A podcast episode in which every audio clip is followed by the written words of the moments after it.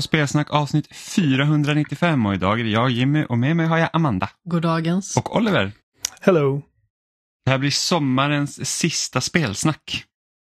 För att eh, nästa gång vi poddar så har det blivit september.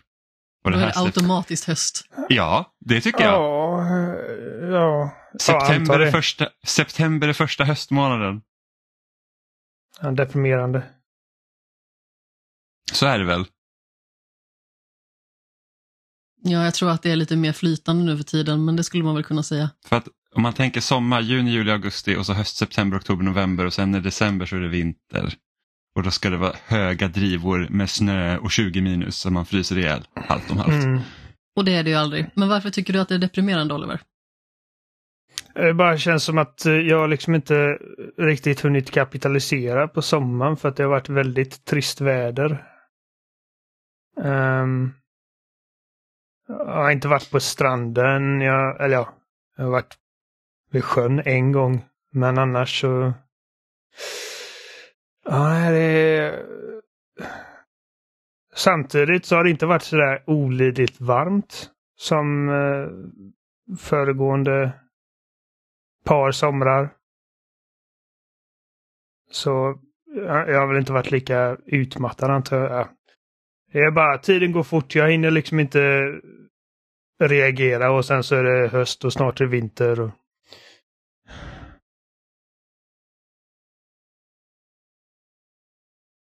Ja. Nej, det var ju faktiskt... ja, eh, vilken typ, eh, konstpaus. Eh, Mm. Det var ju faktiskt... Det är nog det jag tycker är tråkigast med den här sommaren, det är det att man inte kunnat bada. Jag tycker att det är kul att bada. Eh, så vi hoppar väl... Du och jag badade väl någon gång i juni, Amanda? Det gjorde vi. Ja, en gång. Och sen så när vi skulle bada nästa gång, då gick det inte att bada i sjön här i närheten för att det var otjänligt vatten. Mm. Vi var ju väldigt nära på att gå ner och bada ändå först, men sen så var det en på min klass som sa att det är avstängt där nere. Ja, ja, men vi tänkte ju inte bada ändå när det var otjänligt vatten. Vi visste bara inte om att det var otjänligt vatten vid det tillfället. Ja, men vi hade inte fått otjänligt vatten? informationen tidigare än Det- så. Så det var Eh, liksom precis efter passet som vi skulle gått ner Ja, och precis. badat ändå. Det kan vara all, alltså för mycket algblomning och att liksom, alltså får du i dig vatten så kan du bli sjuk så att säga. Eh, Det kan vara föroreningar. Ja, till exempel om ett reningsverk hade legat nära en sjö och det blir något läckage så kan det bli otjänligt vatten för att det kommer massa bajs i det. Till exempel. Poopy. Typ som vid Mjörn. Ja, exakt. Så då kan det bli otjänligt vatten. Men of, oftast är det algblomning som är giftigt. Jag vet ju att förra sommaren så var det ju någon hund som hade dött för att den hade badat i, i sjön när det var för mycket algblomning. Och det är giftigt. Eh, och speciellt för små hundar, liksom, då, är det ju, då krävs det inte lika mycket som för en människa. Liksom. Så att det är lite tråkigt. Det enda jag tycker är synd när det gäller badet, det är att vi inte fick tillfälle att gå upp till Kvarnberget och bada i Kvarnsjön. Det är ju liksom en bergsjö, så det är lite annorlunda upplevelse. Men eh, ja, det kommer fler somrar. Ja men det har ju verkligen regnat alltså rejält. Alltså hela sommaren, alltså sen juli typ, så har det regnat i princip varje dag. Nästan. Alltså det kommer typ någon liten skur här och där, även om det inte varit ihållande regn så har det ju banne mig regnat typ varje dag. Mm. Så är det lite tråkigt. Men eftersom det är augusti och det är slutet av sommaren så som vanligt så har Gamescom gått av stapeln eh, och så även i år. Och precis som typ alla andra stora tv-spelsevent under åren så är det Jeff Keely som har eh, hållit i taktpinnen egentligen när det kommer till liksom sånt som man kan se då. Eh, förutom när eh, de stora spelsidorna har sina dagliga eh, intervjuer, demos och genomgångar. Men så hade vi då Opening Night Live 2023 med Jeff Keely. Mm. Och alltså rent spontant, jag vet i alla fall när vi har pratat liksom tidigare om Gamescom och det är alltid lite olika för man, man vet aldrig liksom vad som ska vad som ska visas på Gamescom. Det är inte som E3 när man vet att här kommer det vara massa nytt och sen så är typ Gamescom en fortsättning av det. Men jag måste säga att i år, i alla fall den uppfattningen som jag har av det hela, är att det var, det var mindre hett än tidigare. Vad förfärligt tråkigt. Så jävla långt också. Ja men det, det känns lite Jeff Keelys signum. Det liksom finns ingenting som heter typ klipp.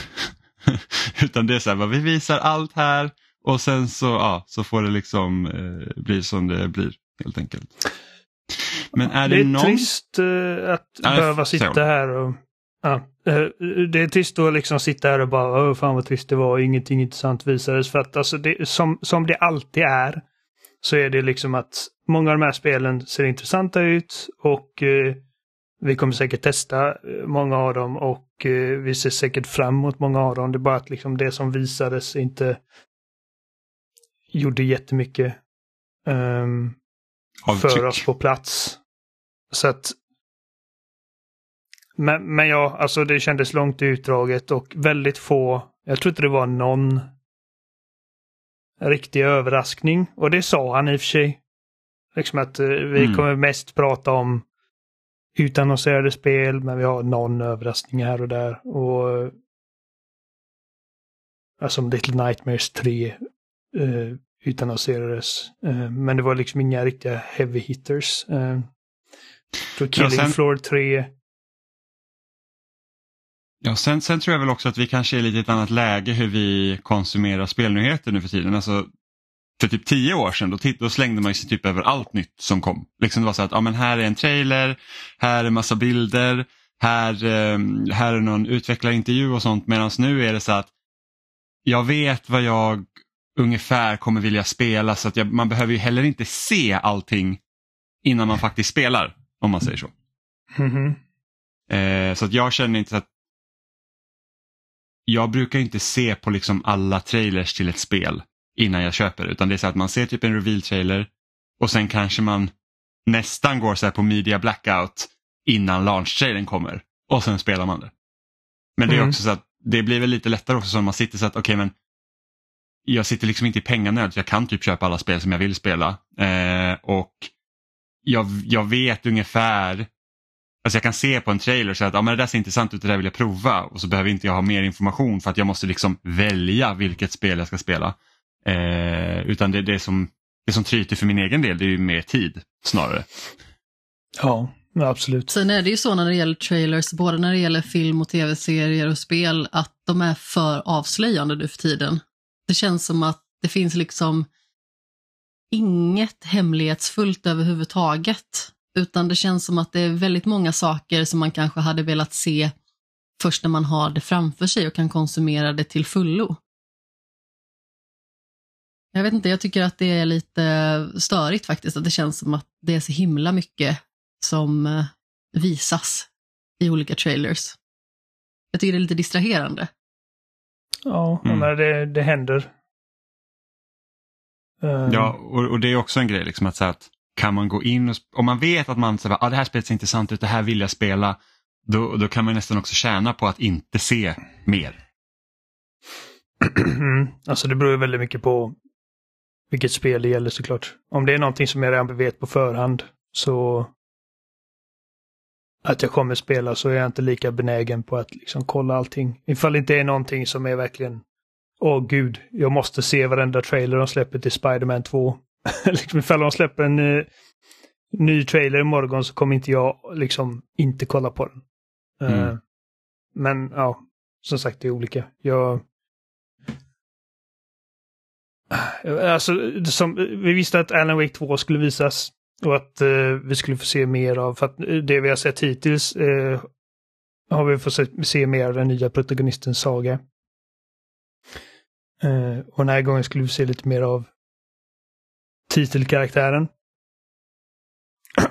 och liksom två timmar, eh, så här liten presentation, liten.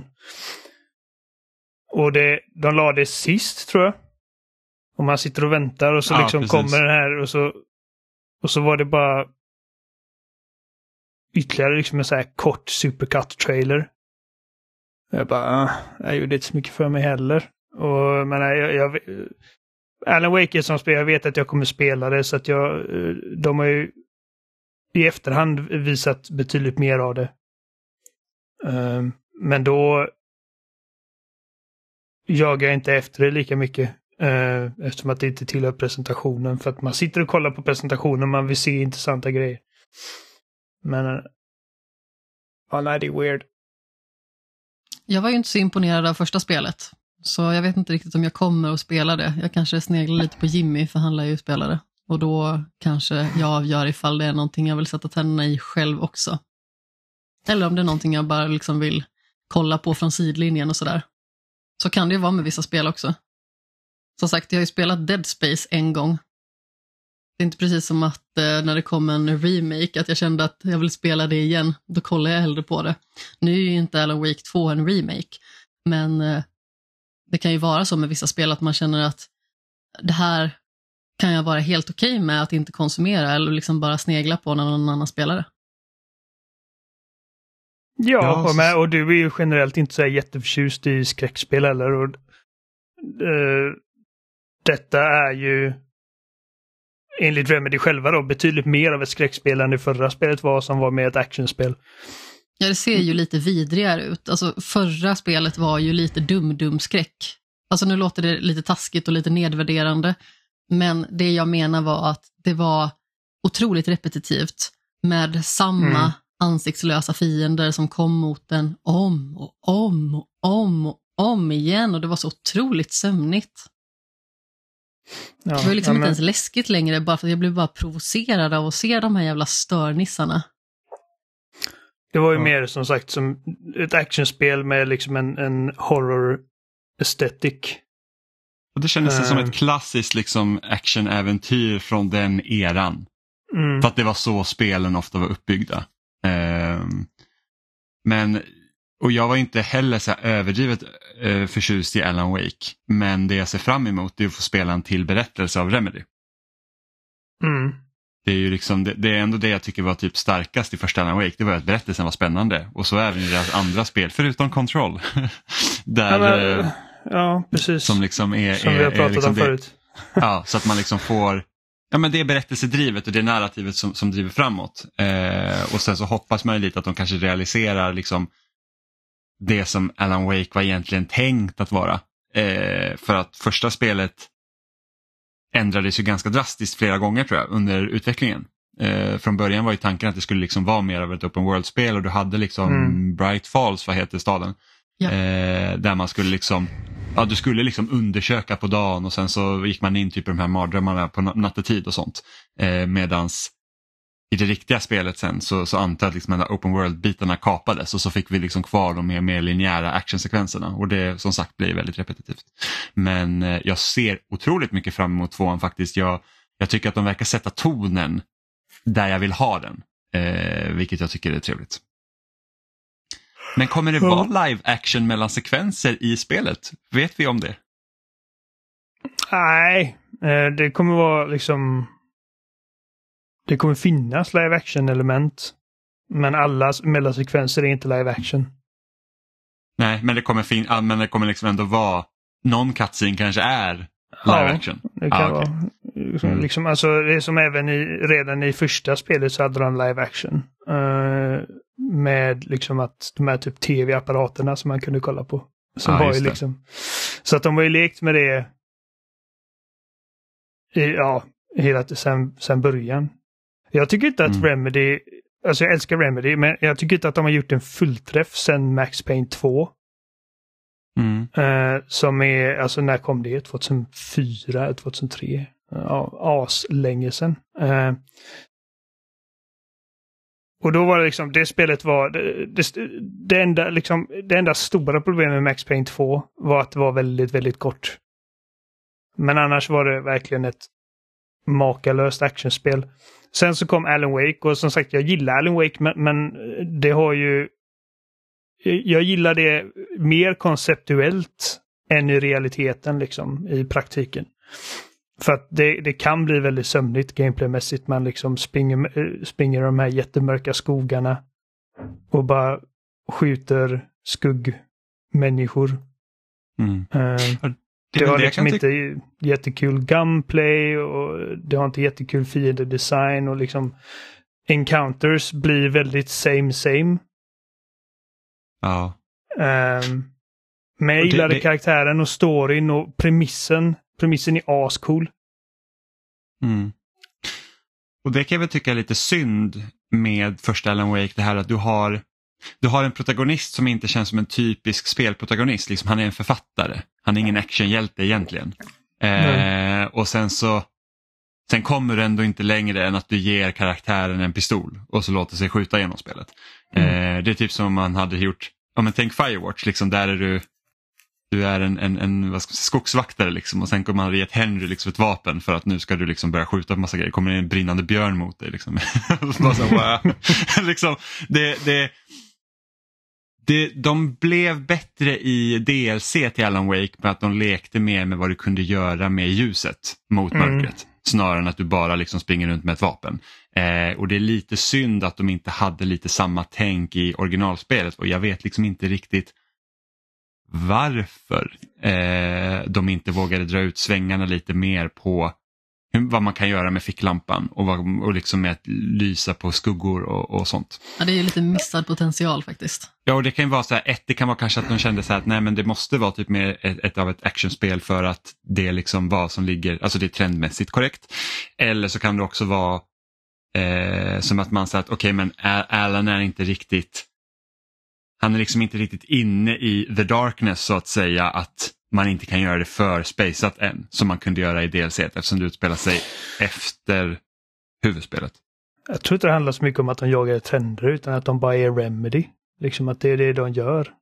Eh, Jo, nej, nej, men jag menar inte alltså att skjuts, Och- så här, var, varför man inte drog ut svängarna med ficklampan. Alltså, jag Mm. tänker inte att du ska ta bort skjutandet nu för det, är- det är ju där av en anledning. Men liksom att i DLC-erna så, så kunde du de var mer kreativa med striderna trots att det fortfarande var pang-pang och ficklampslysande. Liksom. Ja. Varför man inte tog in det mer i huvudspelet, det var det jag bara undrade. Liksom. hade, Vad- de vad var haft, anledningen? eh, hade de haft oändligt med tid och resurser så hade det säkert blivit mer. Liksom, alltså. Det tog väldigt lång tid för dem att komma till den punkten där de kom och liksom de hade så här, så här, ingenting är färdigt. Det liksom det överges som man brukar säga som kreatör. Liksom, att man, men till slut måste man bara okej. Och jag tror säkert att hade de inte haft liksom någon press som helst och att släppa det när det släpptes Um, så kan jag tänka mig att de hade att det hade sett annorlunda ut. Nu tycker jag tvåan ser ut att vara väldigt mycket mer kreativt och flummigt. Men jag tror också att industrin har ändrat sig till den grund också att det finns mer plats för sånt. Ja, det är möjligt. Alltså skulle jag tro, liksom visst att, att mycket av AAA-spelen fortfarande liksom stöps efter liknande mallar men jag tror att ah, det finns liksom mer olika typer av spel som också kan fungera så tror jag också att det hjälper till. Än hur Mm. det såg ut liksom 2009-2010. Eh, när liksom Call of Duty var verkligen liksom peak-spel och, och det mesta man spelade var antingen en first person shooter eller en third person shooter i linjära korridorer. Ja, men det är väl så också liksom att det finns mer utrymme att vara kreativ och att liksom göra mer annorlunda saker, men konkurrensen är kanske också större. I och med att det finns fler studios, stora som små, som slåss om din uppmärksamhet. Liksom. Så det är ju eh, lite tudelat det där, antar jag. Att visst, man kan vara mer kreativ, och man nästan måste vara lite mer kreativ för att kanske nå ut också. Att det liksom inte ska bli för generiskt. Det är mycket mer, alltså titta typ på Resident Evil är väl ett, ett bra exempel på hur det faktiskt såg ut. Alltså jämför Resident Evil 6 med 7. Och liksom jag tror att Resident Evil 7 hade ju knappast inte hänt om det inte vore för typ att spel som Amnesia eh, och eh, Outlast hade blivit populära. Nej. För att då tänker man liksom så att vem skulle vilja spela ett spel där du spelar i första person och skiter knäck och knappt vågar gå vidare? Eh, Tydligen lite för många. För Ja, ja, som men- kanske är hälsosamt. Jo, men det, det, det, är ju, och det det här är den problematiken som, som vi egentligen slåss med hela tiden, eller som industrin slåss med hela tiden, är ju det att okej, vi har den här stora, som, som World of Warcraft kom och då skulle alla göra sitt eget MMO, sen blev, eh, sen blev eh, eh, Mobas jättestora, alla skulle utveckla sitt eget Moba. Eh, multiplayer-trender, eh, Fortnite, liksom, alla skulle ha ett Battle Royale. Så att det är liksom, vad, vad är det som gör att person som spelar exempelvis Fortnite hela tiden vill spela ett annat spel som är exakt som Fortnite?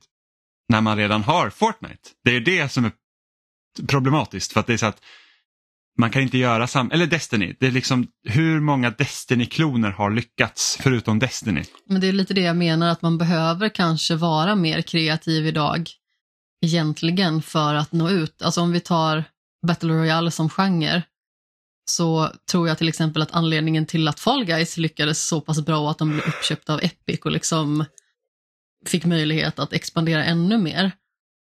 Det är ju för att det är tillräckligt annorlunda. Det är inte ytterligare ett skjutarspel inom Battle Royale-genren. Du har fortfarande den här herren på täppan formulan som man utgår ifrån.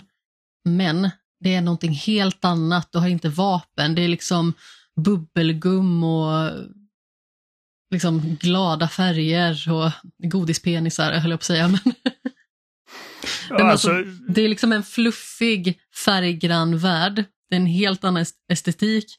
Det är liksom ett helt annat upplägg. Och det handlar liksom inte om våldsamheter. Och jag tror att man behöver nog ganska så mycket kreativitet för att kunna nå igenom bruset. Så att man liksom inte bara är en i mängden också. Och jag förstår ju att många studios, alltså de följer kanske trender och det är det man ser liksom. Jag vet, något spel, om det var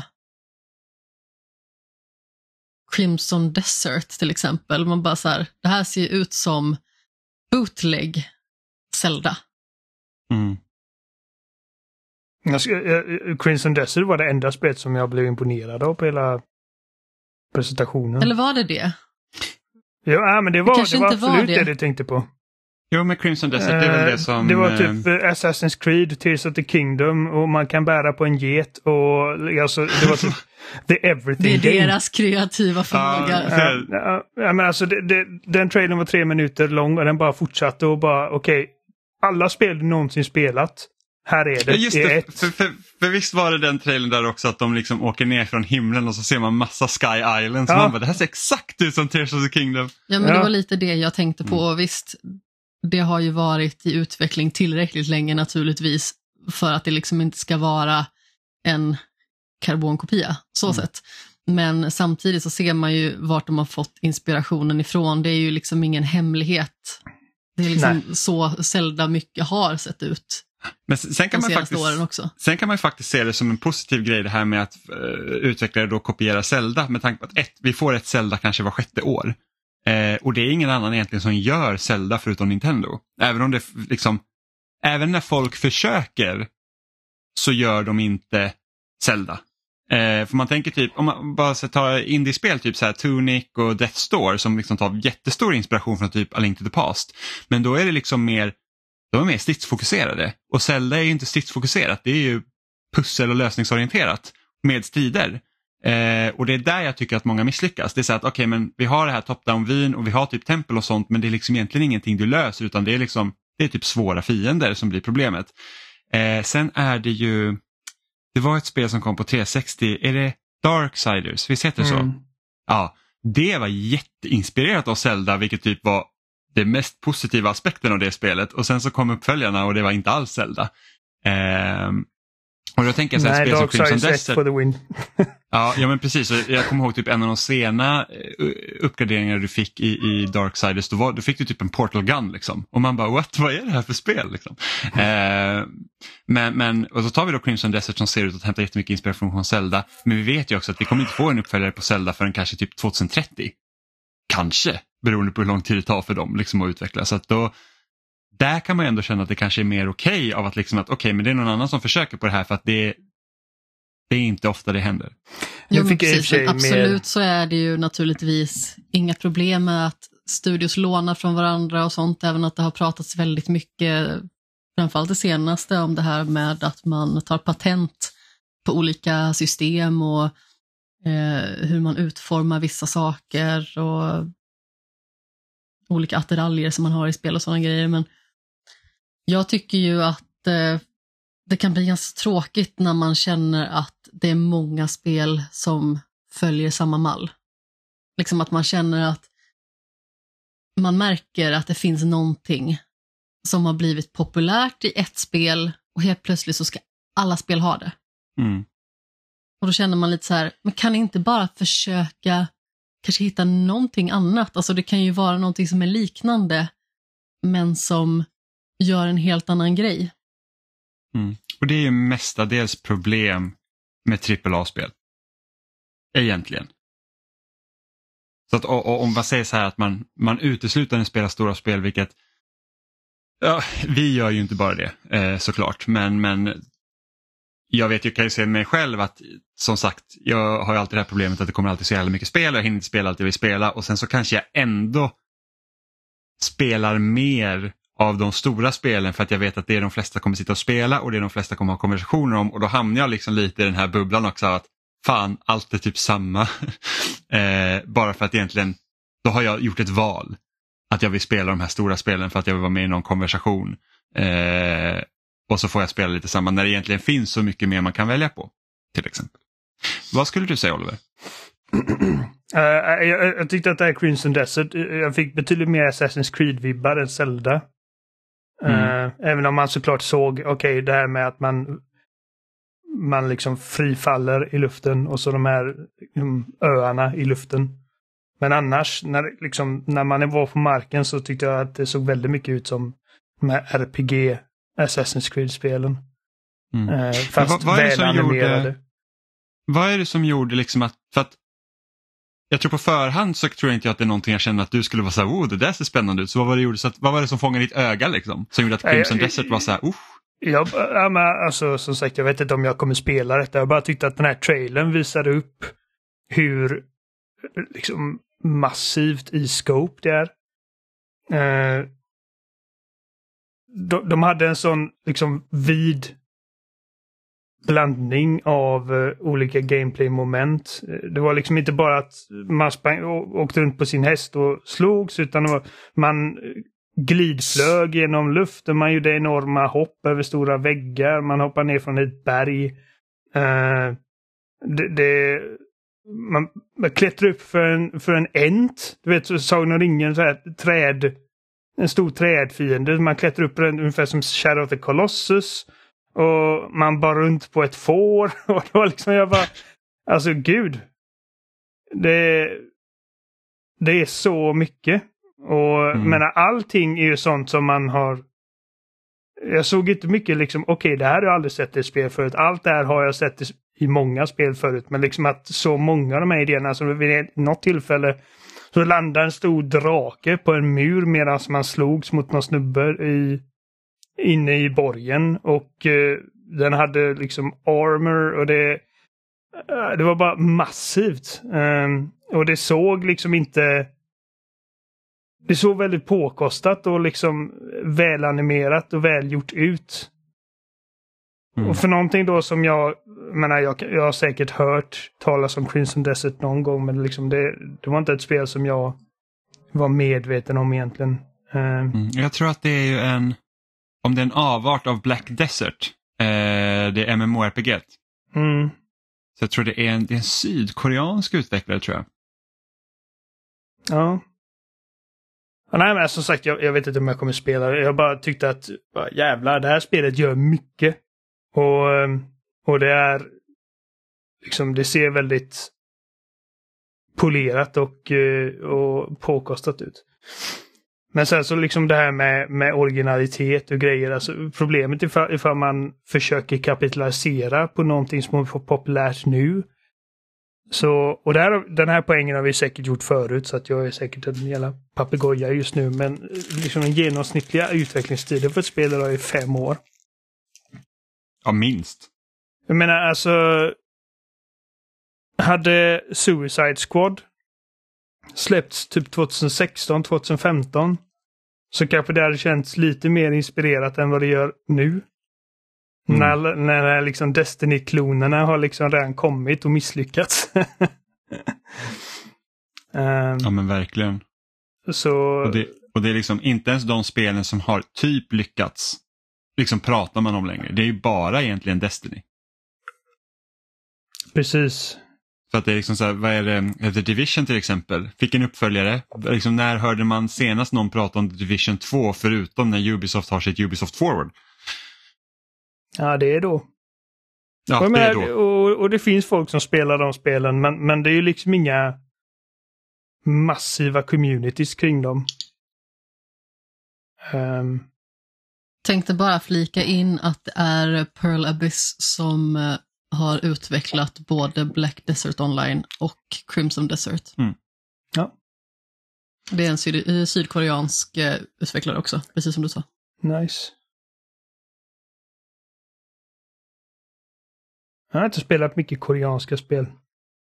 Men jag, alltså, asiatiska spel förutom från Japan, eh, har man inte sett. Som jag har ju spelat det här um, Fist. Eh, Forge in the Shadow Torch eller någonting sånt heter det. Och det är Man ju kinesiskt. Är när man är kanin? Ja, eller en jag, jag säger inte kanin, jag säger hare. Ja. Eh, man, jag vet inte om. En viktig definition. Ja, men jag känner det. För jag känner så här, kaniner är små och fluffiga. Harar, de är liksom deras äldre syskon. Och elakare syskon. Jag vet inte, ha- hare känns mer sån här hardcore liksom survival instinct djuret medan kaniner typ så här, åh vad pluttig. Det här låter lite som när jag försökte göra skillnad på alligatorer och krokodiler. Ja, ja, jag tycker vi precis. lämnar det här. Precis. Ehm, och det är ju liksom, och där är ju ett annat spel som egentligen inte gör något jättenytt. Alltså det är ett Metroidvania. Alltså helt och hållet. Det är typ så här Super Metroid, Shadow Complex, det är liksom den typ grejen. Eh, men där har de liksom mer satsat på att typ ha Alltså där är ju återigen striderna är ju liksom det som eh, håller upp det spelet och, och där tycker jag att man liksom har tittat lite på Devil May Cry Även om man spelar i ett 2D-perspektiv så känns det som Devil May Cry för du har liksom olika vapen som du kan länka ihop kombos med varandra. Så att du liksom, det är inte som att du väljer ett vapen och sen nu får du ha det här och sen så behöver du använda ett annat vapen så får du bara byta till det och sen så får du använda det. Utan det är liksom så att man kan switcha i kombos med de olika vapnen.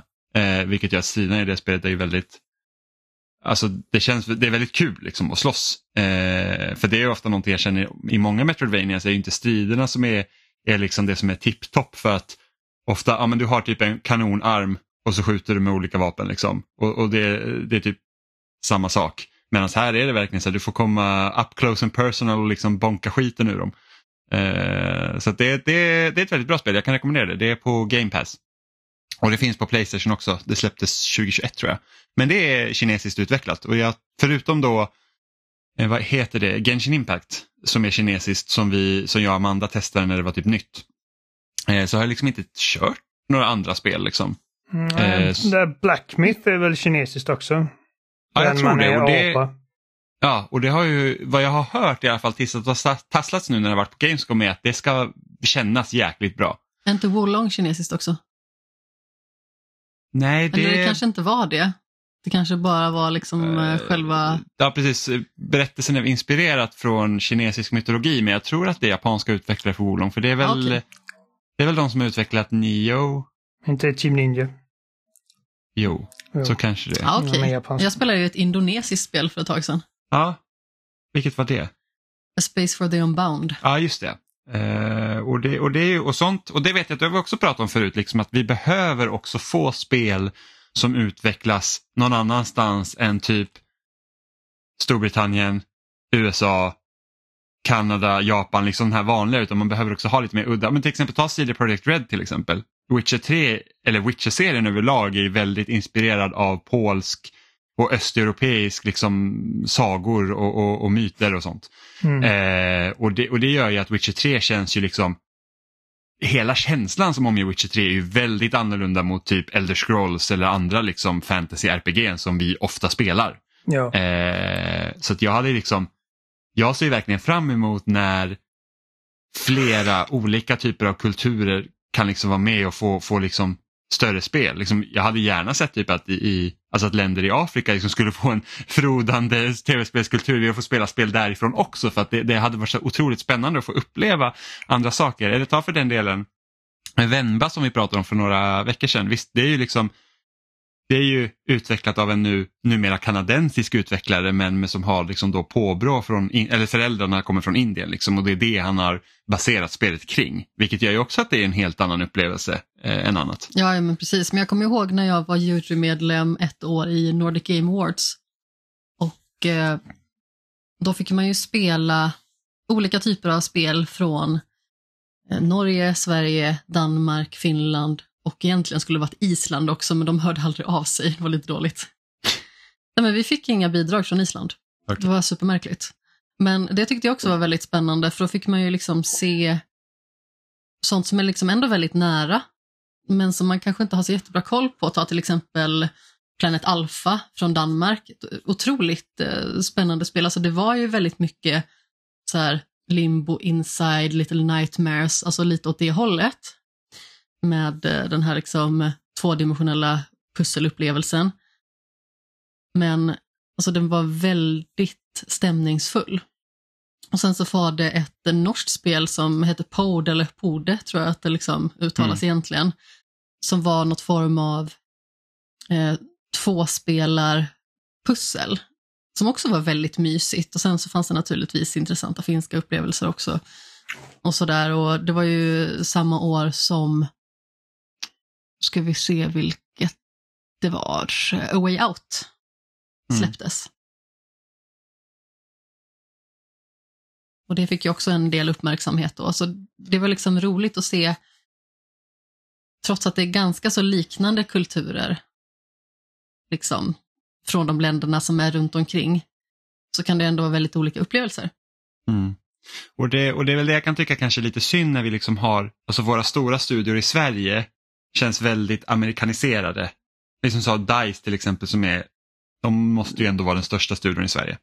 Eh, med Battlefield och Mirror's Edge men det är fortfarande liksom, det känns som att de spelen också har ett amerikanskt perspektiv på så här, krigsföring och, och, och, och det, det de liksom försöker säga. Eller typ, ja men Remedy för den delen som är finsk utvecklare men deras spel utspelar sig alltid i, i USA. Eh, och det, det, har ju sina förklarliga skäl också såklart. Det är ju lättare liksom att kunna öppna upp sig för den breda massan. Liksom man har något som, som där den största målgruppen känner igen såklart. Eh, men, men ta sen typ, eh, vi har ju eh, Brothers A Tale of Two Sons som känns väldigt liksom eh, inspirerat liksom av, av eh, Typ nordiska folksagor. Nordiska folksagor eller typ ta Unravel till exempel som verkligen utspelar sig liksom i det känns som att det utspelar sig liksom i, i landsbygden i Sverige. Det är liksom, I Norrland. Ja, i Norrland. Precis. Det är liksom vattendrag och det är, det är röda hus med vita knutar och, och sen sånt som vi känner igen. Så att det, jag, jag skulle verkligen vilja ha liksom mer sånt i, i spel. Sen så är det såklart, man kan hitta in, svenska inspirationer i Battlefield-serien också så jag tror att eh, banan Signer Crossing i Battlefield 3 är en, eh, den bron som går över det är en gata i Uppsala. Eh, som ser, det ser exakt typ likadan ut. Så alltså visst, man kan ju hämta därifrån men liksom andemeningen i de spelen är liksom att de, de har ofta ett amerikanskt perspektiv. Eh, vilket också har sina förklarliga skäl såklart. Jo, men de flesta länder, alltså som är så pass utvecklade som eh, till exempel Sverige och Finland, de är ju väldigt amerikaniserade bara för att USA liksom har ett så stort inflytande i världen. Ja, absolut, men jag hade liksom här, jag hade tyckt att det kunde vara skitintressant om DICE hade valt att göra en Battlefield-kampanj där vi säger att vi hamnar i något världskrig eller någonting sånt och sen så bara okej okay, men hur hade det här sett ut från ett svenskt perspektiv? Vad, vad hade hänt om typ Sverige blev invaderat och vi får spela som en soldat i Sverige? Hur hade omvärlden reagerat? Det, det hade jag tyckt var skitspännande. Eh, men jag kommer ihåg att de här diskussionerna var, hände ganska ofta på så amerikanska forum runt typ 2010 när liksom COD var som störst och folk liksom började så här, ifrågasätta att varför, varför får vi alltid se liksom det militära perspektivet från USAs vy, liksom, där antingen muslimer är ondingarna eller ryssarna. Liksom. Och, då, och då är det en massa så amerikaner och såklart som bara, nej men varför skulle man vilja spela något annat som inte är ett amerikanskt perspektiv? Och man tänker så här att men en stor del av spelarna får ju inte spela det här kriget ur sitt eget perspektiv. Exakt. Vi får se amerikanernas perspektiv och sen det finns ju ett värde i att få se kriget från några andra ögon. Och det vet jag, det, det var ju skit, eh, det blev verkligen en jättestor kontrovers med Medal of Honor från 2000, kom det 2010 Oliver, kommer du ihåg? Typ rebooten av Medal of Honor. Ja, jag tror det. Ja, och för att där var ju i multiplayer dock eh, så var det ju amerikaner mot talibaner. Och det blev ju en jättestor kontrovers över att du skulle kunna spela som ta taliban och, och, och, kunde döda amerikaner. Eh, vilket så här, jag kan ju förstå absolut, det är ett känsligt ämne. Men det, det, det gav ju också eld till den här diskussionen att okej, okay, men varför skulle inte ett annat perspektiv än amerikanska perspektivet vara värt någonting? Så det är talibaner. Ja. Ja, men alltså, tänk, alltså, det hade ju varit ett minfält att, att släppa ett spel där du spelar från talibanernas perspektiv men varför inte liksom. Eh, så att det, ja. För att de är talibaner. Ja, ja men precis, men alltså, man säger att liksom, för att okej okay, om man ser då USA som hjälten men liksom ur, ur den andra sidans perspektiv och vi kan räkna bort talibaner här, liksom, att oavsett vem som hamnar på andra sidan så är ju inte USA hjälten i det avseendet, de är ju fienden.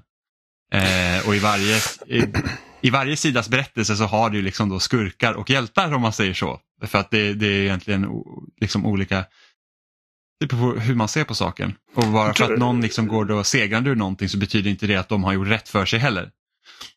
Jag tror folk hade varit mer öppna för att spela typ Vietnamsidan än Talibansidan. Ja, ja absolut. Alltså för att vi är betydligt eh, längre bortkopplade från Vietnamkriget. Även om det såklart påverkar det landet fortfarande än idag. Eh, än vad vi är från då Taliban. Eller konflikten i Afghanistan och Irak till exempel. Ja, men det går ju att göra väldigt annorlunda upplevelser. Som vi tar till exempel Valiant Hearts. Som inte är liksom USA-fokuserat. Ja, ja, precis. Och det är ju också en krigsberättelse som inte är en skjutare. Eh, sånt kan jag tycka är väldigt uppfriskande. Nu var ju inte det liksom kanske en fantastisk upplevelse spelmässigt. Sen spelade jag liksom kanske under ganska så knackiga förhållanden också, i och med att jag spelade det på liksom en laptop och det kanske inte var helt perfekt med facit i hand. Men jag tyckte ju ändå att det märktes väldigt tydligt att de försökte göra någonting annorlunda. Och det var ju liksom annorlunda moment i relation till vad man brukar se i en krigsupplevelse. Och ta även liksom Inside, som eh, ju är mer dystopiskt fokuserad. Liksom. Ja, jag, jag tänkte på This War of Mine. Ja. Är, är ju liksom ett spel som, där man spelar i ett krigshärjat område men du spelar inte som någon som krigar utan du spelar som den civila befolkningen. Precis, någon som försöker överleva. Som försöker överleva när en stad är under ok ockupation. Jag kommer aldrig långt i this war of mine för att jag tycker att det är så jäkla kämpigt. Jag mår skit. Ja, ja men det är superdeprimerande och det är liksom, där måste du också göra så här, vad, ska du bryta dig in i det här hemmet för att du behöver liksom ha resurser men kanske tar du resurser från någon annan och sen vad gör du när folk blir sjuka och vad gör du när det blir intriger mellan er för att ni är typ instängda i det här huset hela tiden. Ja, men exakt och vem ska du välja här? Den här personen som är sjuk eller den här personen som behöver mat? Alltså det är skitknivigt, verkligen. Ja. Hade velat ge mig in i det och liksom ge det ytterligare en ärlig chans. Samma sak med Frostpunk som jag ju har laddat ner x antal gånger och varit sugen på att börja spela, men jag vet ju också att det kommer inte vara kul. Ja, Eller alltså så här, det kanske kommer vara kul att spela, men det kommer vara kämpigt. Ja, ja Frostpunk är ju svårt i det avseendet, det är liksom att också att, så att Ska du styra med järnhand eller ska du liksom försöka se till allas bästa men du kommer liksom inte lyckas helt och hållet. Samtidigt som de har den här jäkla vinterstormen som är på intågande. Så att eh, ja, det är också ett kämpigt spel. Mm. Men är det något annat från som vi har sett under Gamescom-dagarna som har liksom väckt er uppmärksamhet? Alltså jag är väldigt glad att Steam World Build fick ett datum. Första december. Ja, det känns som ett olyckligt datum. det känns typ som att så fort någon liksom vill släppa ett spel på den här årssidan så känns det som ett olyckligt datum. Jag vet inte, det känns ändå som att det är tillräckligt sent. Jag tror väl, vad är det som släpps nära där? Jag tror Avatar-spelet kommer... Oh, jag kunde inte bry mig mindre. Och sen är det något annat spel också. Nej, nej men jag tänker bara att Avatar är ett stort, eh, stort spel. Och sen, ett så stort släpps varumärke. Det, och sen så släpps det väldigt nära in på Cities 2 också. Det är något annat spel som släpps den första december också, jag kommer inte ihåg vilket. Nej, men det brukar alltid vara några eftersläntar där som kommer typ de två första veckorna i december och sen är det typ helt dött till mitten av januari. I princip.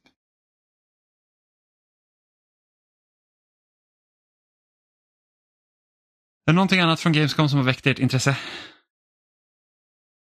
Alltså inte direkt, jag bara tyckte det var väldigt märkligt att Zack Snyder var där. På vilket sätt? Att stå på scen och liksom lägga så mycket fokus på någon form av halvtafflig actionrulle. Bara för att det verkar som att det ska bli något spel av det i framtiden. Jag vet inte, jag tyckte att det liksom kändes väldigt B. Det känns liksom som att, återigen, jag förstår Jeff Keely, att han vill ha liksom väldigt mycket namnkunniga personer och att eh, det liksom drar tittare och hela den här biten med, var det Al Pacino som eh, delade ut något pris på Game Awards och liksom hela den biten. Alltså jag förstår ju att det väcker uppmärksamhet och det pirrar ju förmodligen i hans eh, slång också, eller vad Oliver skulle ha sagt.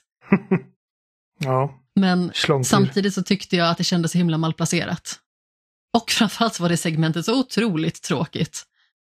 Och jag har liksom inte jättemycket till övers för Zack Snyder heller. Alltså jag vet ju att han har haft tuffa tider också. Eh, det har många människor haft. Men samtidigt så tycker jag att han är en sån generisk dude bro actionsnubbe. Det tilltalar liksom inte mig. Jag gillade 300. Det är väl typ det. Från Zack Snyder. Nej, men tyckte inte ni själva att det kändes konstigt med hela det segmentet? Ja, jag har sett konstigare saker. Ja, Men så här, kom tillbaka när spelet finns. För det var väl det som var hela grejen, att det skulle komma ett spel baserat på Rebel Moon. Rebel Moon. Ja. Och han med. Alltså, det är inte ovanligt att man ser det som, vad heter det, The Rock fick sin Black Adam-trailer någonstans. Det har inte ens ett spel med. Um, Nej, nej, men absolut. Det- jag vet inte, jag bara tyckte att det kändes otroligt sömnigt och ointressant och bara så här, ge mig mer intressanta spelupplevelser att vila ögonen på. Och det kändes som att hela den här föreställningen var så otroligt sömnig och att det var så himla lite som jag brydde mig om och jag vet inte riktigt varför. Alltså det är säkert jättemånga som tycker att det är otroligt spännande med nya Mortal Kombat och vad det nu kan vara. Liksom. Jag kände att överlag kändes det så himla generiskt. Det kändes tradigt. Det kändes beige. Det kändes som att det inte fanns någonting som stack ut som bara så här högg tag i mig. Så jag längtade tillbaka liksom till min ljudbok. Alltså nu, det var en bra bok. Så eh, nu låter det liksom som att jag hellre hade lyssnat på den förfärliga ljudboken. Det var en bra bok, men samtidigt så kände jag bara så här att släpp loss mig från den här visningen så att jag bara kan få lyssna på min bok och vara i fred, för det här är inte roligt att se på. Och sen de här riktigt snubbiga snubbarna, han från Marvel Snap till exempel. Gud, vilken gormpelle. Alltså det känns som att han står och skriker innantill från ett dude bro manus. Så otroligt enerverande att lyssna och se på. Alltså hela hans uppenbarelse är så fruktansvärt störig. Det var bara så himla frigörande när Sam Lake kom upp som liksom har den här lite mer tillbakalutade skandinaviska framtoningen som är lite mer så här återhållsam och inte lika så överdådig. ja, och Amanda går balls to the wall, bara jag känner det, jag bara säger, det är bra. Vi, vi, kan, vi kan bara sitta och vara tysta här. Det är så här, krill all over again. Ja men alltså så här, det var så här, bara, jag uppskattade att det fanns ganska så mycket liksom kvinnliga alltså, utvecklare, röstskådespelare och liksom sådant som fick synas också. Men de här gormpellarna tar ju upp all syre. Alltså jag blir glad till exempel när man fick se Gemma Chan. Jag tycker att hon är liksom en väldigt trevlig skådespelare och eh, att hon liksom ska röstsätta också eh, med den otroliga rösten som hon har. Det uppskattas. Eh, och hon var ju verkligen en av personerna som ändå man kände så var väldigt uppfriskande att se på. Hon var så här optimistisk och eh, verkade verkligen se fram emot att få göra liksom sin första så här spelupplevelse och leverera den till världen på något sätt och sätta sin egen prägel på det. Men återigen, det finns ju såna här snubbiga snubbar som tar upp så himla mycket syre. Och innan jag får massa hatmail från snubbar, jag gillar snubbar, Speciellt Marvel Snap-killen.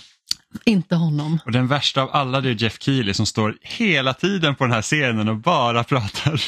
Bara ta upp Alltså- syre. fan, ja verkligen. Alltså, man känner sig krävd. Jag gillar Marvel alltså- Snap-killen. Han verkar bara... Jag tycker ju att jag tycker Jeff Keely ändå ska ha en eloge för att han är liksom en eldsjäl. Men även han är lite jobbig, är han inte det? Alltså jag vet inte, jag stör mig mer på upplägget än, än vad jag stör mig på Jeff Keely. Och sen, sen, det jag, det jag, sen så vi, vet, både, det är säkert för mig och Oliver också, men vi, vi vet ju hela den här Dorito-grejen med Jeff Keely så det är alltid den jag har i minnet när jag liksom ser honom. Kan inte du friska upp mitt minne? Eh, det var, vad fan var det, det var när Halo 4 skulle komma. Eh, och de hade samarbete med typ Dorito så finns det typ en bild på Jeff Keely när han ser typ helt hålögd ut och ska typ promota något spel. Och så hamnar det någonting så här, oh, etisk speljournalistik och bla bla bla. Eh, Doritos och Mountain Dew. Ja, precis. Eh, Han, han har fått göra en massa skitgrejer alltså. Ja, verkligen. Så han har kommit långt. Jag, jag, tyckte, Ja, ja. jag tyckte Marvel Snap-killen, eh, alltså han var inte där mer än någon minut. Och han är bara glad över sitt spel och jag tycker att det är uh, good for you. Du vet att du har en hit. Och miljontals spelare älskar din hit. Ehm, Jag undrar, hur det går, jag undrar hur det går för Marvel Snap, alltså, alltså rent liksom generellt. Eh, för det är ett roligt spel. Ja, det är jättekul spel. Och eh, fantastisk art direction och eh, faktiskt inte så predatory som man kan tro att den typen av spel ska vara. Man Nej, kan, man men kan priserna är hutlösa. Ja, jo, men, men alltså jag, jag har fått ut rätt mycket utan att lägga en krona på det också. Så att, eh, Ja, gud ja. Alltså, precis, det, det är liksom, du behöver inte betala för att ha kul med det. Nej. Eh, men det är liksom, Eh. priserna är verkligen out of this world. Jag, jag och Stefan chattar ofta om det. Det var så här, har du sett det här paketet? Du får typ ett kort och lite boosters för typ tusen spänn. Och man bara, what? Mm. Det är så dyrt. Eh, Och sen tyckte Jag ska inte jag fortsätta att, klaga och sådär. Ehm, däremot så tyckte jag att Little Nightmares 3, som jag inte alls liksom var pepp på när jag bara hörde att det skulle släppas, lyfte lite granna i och med att det visar sig att det ska vara en tvåspelarupplevelse om man vill. Och det tycker jag ändå kanske har någonting. Det låter ju ändå spännande. jag är förvånad över att det inte är originalstudion som gör spelet. Och då Ja, blir jag väldigt så här, jag är så här att okej men varför är det inte de som gör Little Nightmare 3? Är det för att de, eh, alltså, såklart de kanske är ute efter ett annat spel men då är det också så här att ettan och tvåan fanns det ändå en tanke med och jag undrar liksom följer det med trean då när det är nya utvecklare? Vi får se. Ja, vi får se. Men ja, Jag, jag, tyckte också att uh, alltså, Zack Snyders del var inte så här jätte... eh, spännande kanske. Eh, men det är också en sån, alltså, kolla, eh, Jeff Keely känner också till sin publik. Eh, att visa upp en liksom nördig Star Wars-utmanare på... det är inte som att liksom visa upp en trailer för liksom en ny adaptation av Pride and Prejudice direkt. Så att publiken är ju rätt och eh, Hade det inte varit lite gött ändå? ja sen hade man visat sig att de här karaktärerna kommit till typ Dead by Daylight eller något sånt. ja, alltså men det, det är ju liksom som sagt rätt publik. Mr Darcy Och- med motorsåg. Eh, och jag, jag menar, jag, jag sympatiserar med, jag vet inte om det beror på um, på att hans dotter begick självmord. Men han, han har sin stil och han liksom uh, är verkligen all in die hard på den. Och uh, han liksom man får se vad man vill. Alltså, man, man känner igen en Zack Snyder-film när man ser den. Jo, men det var lite det jag Och- menar också med att han har haft det tufft. Det säger jag absolut ingenting om. Däremot är jag ju absolut inte för fem öre såld liksom på hela hans framtoning och liksom Det som han säljer. Ja, men jag tycker inte han verkar dude broig. Alltså liksom... Uh, han, verk, uh, han är... Han står inte där liksom och gapar och slår sig på bröstet. Utan han liksom presenterar sin grej och... Och jag tror det här liksom kommer bli coolt. Jag menar, alltså jag tycker att, alltså 300 gillar jag. Jag tycker att hans Dawn of the Dead Remake är asbra. Det är en av de bättre liksom skräckremakes som har gjorts. Uh, skriven av James Gunn också. Uh, och uh, hans Watchmen är bra. Så det är att, sant.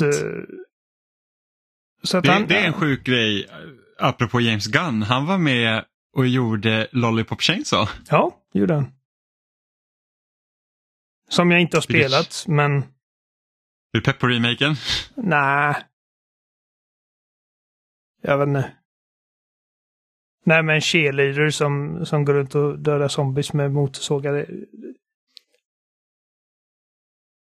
det är inte jättespännande. Precis din kopp te. Ja, ja. sin pojkväns eh, huvud hängande vid höften. Ja, det är rätt coolt i och för sig. Yes. Um, Ja, men det, vi, vi sätter punkt för Gamescom där och så, så kickar vi egentligen igång. Så kommer jag förmodligen sitta och våndas hur mycket som helst för att jag suttit och beklagat. Ja, Amanda, Amanda gjorde Krille 2.0 och vi kunde bara sitta här tyst och bara säga mm. the train keeps rolling. Bara, den här människan, bara, fan vad luft du tar. Kan du inte bara gå och dö? Så har jag inte sagt. Nej, men det var underförstått. Inte underbart att din dotter tog livet av sig. Nej usch Oliver, så får man inte säga. Ja. Eh, men vi har ju faktiskt spelat ett av, eh, ja vad ska man säga egentligen? Eh, nu, nu vet jag att jag sa i början här att, att det här är sista sommarprogrammet men då kan man också säga att vi har spelat ett av de stör, första storspelen som kickstartade igång hösten. vi har ju spelat Armor Core 6 Fire of Rubicon eh, som är från Softwares eh, senaste spel. Rubicon är ett coolt jag... namn alltså. Ja men det är det. det, det jag tycker hela spelet egentligen är coolt. Alltså bara så här coolt tem. Ja, ja men det har stil. Ja. Så, och du, jag har inte spelat Armored Core-spel tidigare och jag antar att du inte heller har spelat Armored Core-spel tidigare. Nope. Så att vad... Hur långt har du kommit och vad känner du om så långt du har kommit? Jag är på det uppdraget som, som det står att det ska avsluta Chapter 1. Ah, okej. Okay. Och jag fick alltså massivt med stryk. På, ja, jag, känner, jag känner, ja det, det, är den första liksom, så här, jag antar att detta är vad spelets Father Gascoigne är liksom. Att här är, det är här du kommer lära dig hur, liksom, what makes this game tick och vad, vad som kommer mm. förväntas av dig för resterande speltid. Uh, för att uh, jag, jag vet inte riktigt jag vet inte riktigt vad jag ska ta mig till för att ta mig igenom den här bossen. Jag tyckte att, för att det var en annan uh, mech-boss tidigare i det här uppdraget som jag också tyckte var svår, men den tog jag mig igenom till slut. Och sen så kommer den här massiva grejen som skjuter, det är så här riktigt bullet hell-boss. Och jag bara, jag vet ja. inte hur fan jag ska... um... Ja, och det är väl det egentligen som är, jag skulle säga den stora skillnaden då mellan Armored Core och den Souls-spelen som de har, gjort tidigare. Det är det här att visst, builds och sånt spelar också roll i typ Dark Souls och Elden Ring och, och det. Men du kan inte respecka lika lätt i de spelen, liksom att bara säga att ah, men okej, det här funkar inte, jag får liksom helt enkelt bara slänga ut det jag känner till och bara testa lite andra grejer. Eh, även om man såklart kan göra det men typ när jag skulle hitta ett nytt bättre svärd i Elden Ring så kunde det ta liksom flera timmar innan jag liksom hade fått tag i det jag behövde ha för att liksom kunna faktiskt testa och bli effektiv med det. Mm. Medan här är det så att okej okay, jag kanske kan köra några tidigare uppdrag, samla ihop lika pengar och sen köpa några nya vapendelar och försöka sätta ihop dem och se om det funkar bättre. Eh, så att man kan mycket snabbare liksom ändra inriktning eh, i Armored Core. Eh, ja, och, och, och, och, det var en grej jag tänkte på. Ursäkta, nu avbröt jag det kanske. Nej, nej, nej fortsätt. Um, att, för att Dark Souls och Bloodborne, alla de här, de är mer oförlåtande än vad de är svåra, liksom moment to moment. Mm. att liksom, det, det, är väldigt hårda konsekvenser när du dör. Du förlorar allt du har på dig och så måste du liksom tillbaka. Och du, du, du är från din senaste liksom Bonfire eller vad det nu är. Så att konsekvenserna för att misslyckas i Dark Souls är tuffa. Mycket tuffare än de är i ditt genomsnittliga liksom västerländskt actionspel. Mm. Uh, men liksom varje boss, varje fiende är inte nödvändigtvis liksom i sig ett jättestort problem. Medan här är det lite tvärtom, att det är väldigt förlåtande. Men liksom ögonblick till ögonblick är det riktigt tufft. Att liksom den här mm. fienden är skitsvår. Och eh, du måste verkligen lära dig. Men, men som sagt, det här spelet har checkpoints.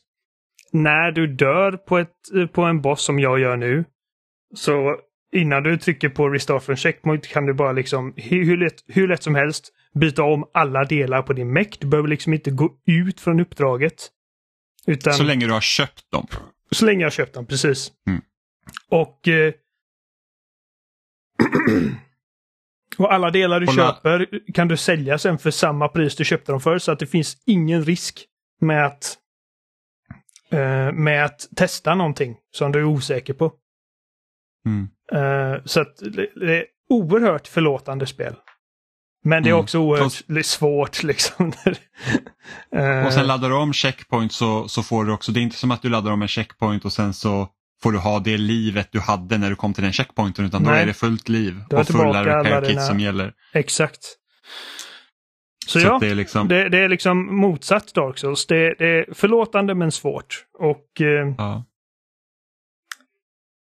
Och det är coolt. Men... Det, det är alltså, ju, ju mer man spelar och desto mer man får känn på det och desto mer man liksom börjar förstå de här olika systemen. För att det har, alltså det, det har väldigt mycket djup rent mekaniskt och särskilt då när det mm. kommer till uh, vilka delar du bygger din meck med.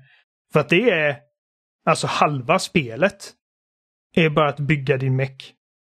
Uh, ja, och, och, kolla liksom vilka delar passar med varandra. Liksom, ska du ha högre vill du, ha, vill du satsa på liksom hög defens och mycket liv eller vill du satsa liksom på att ha kraftfullare vapen och liksom kunna typ boosta runt snabbare? och Det är liksom ja, det är så mycket du kan fixa med din meck som inte spelet egentligen förklarar för dig heller.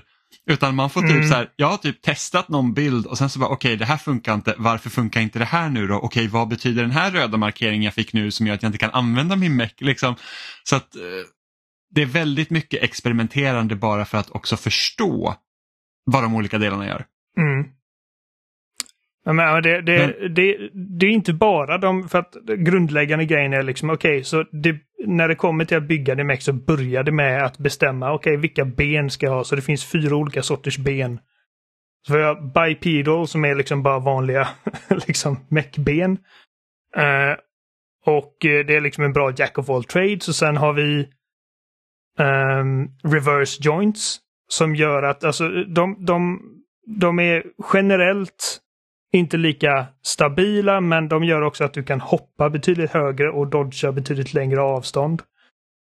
Och så har vi de här eh, tetrapods eller vad de kallas. Eh, som, alltså det är typ fyra ben.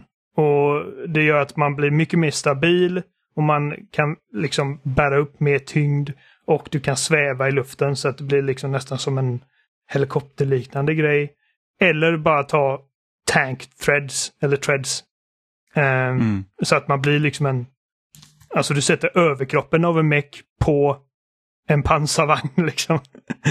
och du kör runt. Um, och då är liksom Otroligt att, svårt att styra. Ja. Som tank. Och man, man är ju betydligt mindre mobil. Det, liksom, det går att, att lyfta från marken men du kommer inte hålla dig i luften särskilt länge. Så där är det bara liksom, när du kör tank treads så är det bara mata på liksom de absolut tyngsta jävla monsterdelarna som du kan. Um, så, så, så här, benen bestämmer hur mycket tyngd du kan sätta på. För varje liten del i bygget väger ett visst, eh, eh, liksom ett visst antal kilon och kräver ett visst mått av energi. Och din generator bestämmer hur mycket energi du har till ditt förfogande. Men generatorn väger också rätt mycket. Så att det, det är hela tiden den här liksom back and forth med eh, de resurser du har och liksom med, alltså finns det liksom chip som okej, okay, det, här, det här chippet gör att eh, du har väldigt bra target acquisition på nära håll.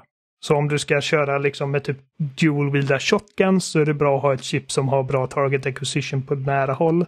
Men då är det liksom horribelt på längre avstånd. Och det finns andra chip som gör att din missil lock-on blir färdig snabbare. Så att det är liksom alla de här mikrobesluten du måste ta när du bygger, liksom att verkligen se till att alla delar eh, passar ihop väl. Um, mm. Så att ja, det, alltså det är komplicerat och det, jag tror att det är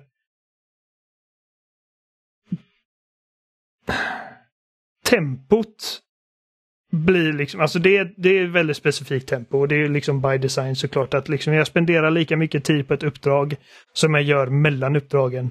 Eh, för att du låser upp nya vapen och nya delar kontinuerligt. Men jag gillar också att du kan gå tillbaka till tidigare uppdrag och fortfarande få pengar för dem. Mm. Uh, att... Och där är ju också ett intressant liksom, system hur man tjänar pengar. för att va, va, du, får, du får liksom, Varje uppdrag är liksom en, vad ska man säga, det, det är liksom, du får pengar för varje uppdrag helt enkelt. Oh. Uh, och beroende på hur bra du presterar på uppdragen så kan du liksom få antingen mer pengar tror jag, eh, som bonus payout. Uh, men du blir också bestraffad om du spelar slarvigt. Så att tar du mycket skada så kommer det öka dina reparationskostnader. Använder du mycket ammo så kommer det öka dina ammunitionskostnader för det måste du köpa igen. Mm. Eller ja, det, det, köps automatiskt men det dras av från din betalning. Precis. Så att jag gjorde ju en meck igår som var liksom, det här är liksom the powerhouse. Eh, för att jag var på en riktig jävelboss. Jag, bara, jag behöver bara göra så mycket skada som möjligt så jag får ut den här jäveln för att jag klarar mig inte länge. Eh, så då satte jag på de här tank treadsen två stora jävla bazooka på ryggen, för man kan ha fyra vapen också mm. eh, på sin meck. Och två liksom Gatling guns på sidan för att jag ska kunna göra så mycket skada som möjligt. Och jag slösar på så mycket ammunition så att det här uppdraget skulle ge mig 330 000, jag fick ut 54. så att det är liksom, så jag bara regnar ner på den här jävla stackars bossen och jag bara så här, fuck this. Oh, eh, så, att, så att det är så här att så jag bara jävlar, för att, för att det är liksom, du har väl, jag vet inte hur mycket Gatling Guns har i jag tror det är typ 1200 skott per Gatling Gun som jag i princip gjorde slut på. Mm. Eh, för att ta ut den här bossen. Så att, att det, det är ett ganska roligt system också för att det är att när man går tillbaka och liksom kör tidigare uppdrag bara för att tjäna ihop lite pengar så börjar man liksom tänka sig, okej okay, men hur kan jag maximera den här payouten? Liksom, hur kan jag spela försiktigare men ändå liksom fortfarande vara effektiv? Eh, Vissa uppdrag har du också liksom det extra eh, parametern att ju fler fiender du dödar desto bättre payout. Ja. Um, så det är lite olika beroende på vilket uppdrag man väljer att köra. Och du kan liksom köra om vilket uppdrag som helst egentligen. Så vill du möta en, en, en till boss, liksom, om du vill köra om mot en boss igen så kan du köra det uppdraget utan problem. Mm. Eh, och sen så finns det också eh, något som de kallar då arena. Jag vet inte om du har låst upp arenan än? Eh, jo ja, där, där, där, liksom, där kan man också säga att det är typ som minibossstrider där man möter en fiende och sen så får man också pengar för det. Mm. Eh, så att det, det är liksom... Men det är så, som så... typ tanktreads och, och de här liksom eh, fetare benen du kan sätta på dem påverkar också hur vapnen fungerar. Så, så du nämnde att du använde bazookas. Eh, ifall du hade haft ja. vanliga bipedals och använt bazooka så varje gång du använder den så liksom måste din meck stanna upp för att liksom absorbera rekylen. Men ifall ja, du har tank så behöver du inte det. För att de är så liksom liksom så stabila liksom att den, den absorberar rekylen åt dig så att du kan hålla det i rörelse och skjuta de här bazookasarna. Mm. Det är bara att tankthreadsen är så jävla svåra att styra och det kan hända så mycket på skärmen på en gång att liksom, ibland så vet jag inte ens vart jag är någonstans. Det är bara så här, nu, nu jag vet inte om boss, jag vet inte om bossen är ovanpå mig eller eh, liksom vart, vart, vart är den någonstans i relation till mig och det är väl typ något jag känner det svåraste i det här spelet. Det är ibland att hålla koll på var fienderna är någonstans när det blir mycket. Eh, mm. För eftersom man liksom kan hovra och du kan liksom vara uppe i luften och helt plötsligt har du liksom, men det är liksom alla, alla håll och kanter kan det finnas fiender på. Eh, så det är lätt att bli överväldigande Eh, och liksom samtidigt som du måste tänka dig upp att, att spelet är ganska oförlåtande på när en fiende skjuter mot dig och den tiden du har att reagera på och kunna dodga. det, är Ja, liksom ibland så, det har ju varit någon så här boss man har som typ kan one-shotta dig med så här stor jävla laserstråle och det är verkligen så att när du hör signalen för att dodga då är det fan att trycka på dodge direkt eh, för att annars blir du liksom träffad. Eh, så att, att det, det var en ganska stor inlärningskurva till att liksom bara känna så att okej men jag åker inte på pisk hela tiden. Men det är också liksom att alltså, du, ifall du är en sån spelare som hittar din groove väldigt tidigt. Okej, jag gillar den här liksom puffran, jag gillar hur min meck känns nu och inte vill experimentera och byta, då kommer du stöta på problem väldigt snabbt. Ja, och spelet säger åt dig till det också att om du dör x antal gånger på en boss så kommer det stå så här att okej men det kan vara läge att försöka byta taktik nu för att uppenbarligen så funkar inte det här för dig. Och det märkte jag på första bossen, den här stora helikoptern som kommer in. Att jag Ja. bara, åh vad stryk jag fick. Eh, och vid det laget så det, det är första uppdraget så att du kan liksom, du har inget annat att byta till. Så att det, det, problemet var inte att jag hade fel bild, men det var liksom att jag, jag använde inte svärdet. För att jag tänkte att den här helikoptern, min första instinkt är inte att använda mitt stora svärd mot helikoptern. Men jag började liksom jaga ner den här helikoptern istället för att stå och fega bakom de här byggnaderna medan de blästar mig från himlen så eh, såg jag till att börja flyga upp till den och slå den på hakan med mitt svärd. Eh, Mm. Och då är det plötsligt hur lätt som helst. Ja, Eh, precis. och- Eh, och att liksom, du ska inte vara rädd för att vara liksom in your face på fienderna. Nej, men alla fiender kommer inte funka. Men, men, men det, det är det som är poängen. Liksom att det, varje situation har liksom sina, sina öppningar och grejer som du måste tänka på och eh, det är inte alltid att den taktik du är bekväm med eller det, liksom det spelsätt du har kört hittills kommer ta dig hela vägen.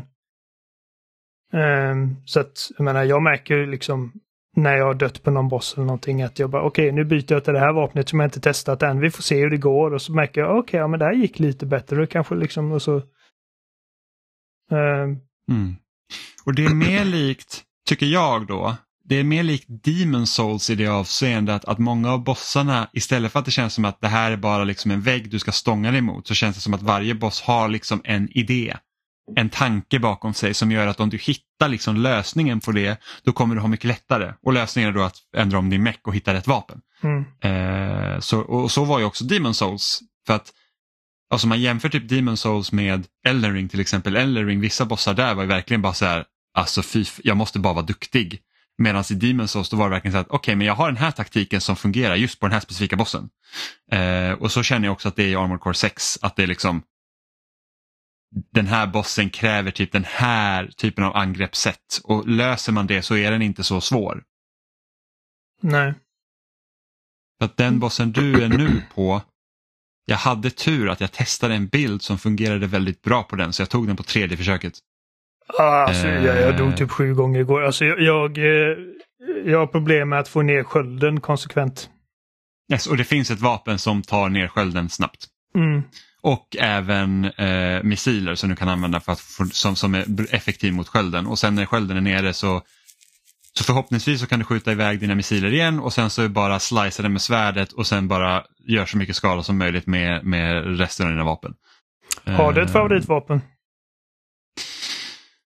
Eh, jag minns inte vad det heter nu men jag tror att det är Pulse Rifle. Det ser ut lite som att du har en liten typ satellit på armen och sen skjuter den iväg typ små Bubblor? elbollar typ. Ja. Ja, bubblor precis. Och den har inte så den har inte så long range men det gör ingenting för att man är ofta nära fiender. Eller jag spelar ofta så att jag är nära fiender och den, den tycker jag den, den tar bra skada på typ det mesta.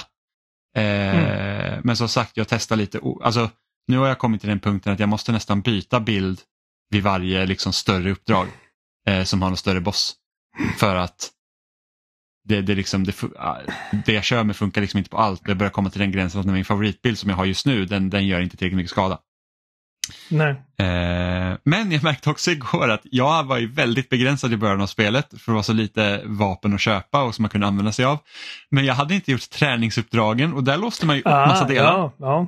Träningsuppdragen är att- bra också. Alltså, Ja, ja alltså gud, alltså för jag tänkte så här, när jag körde, när jag körde spelet, jag, så här, jag bara, alltså, spelet har inte lärt mig någonting. Liksom, det, jag, hur ska jag ens tänka liksom? Och så igår när jag körde träningsuppdragen på, på skoj, liksom, då bara, jaha, här lärde spelet allting.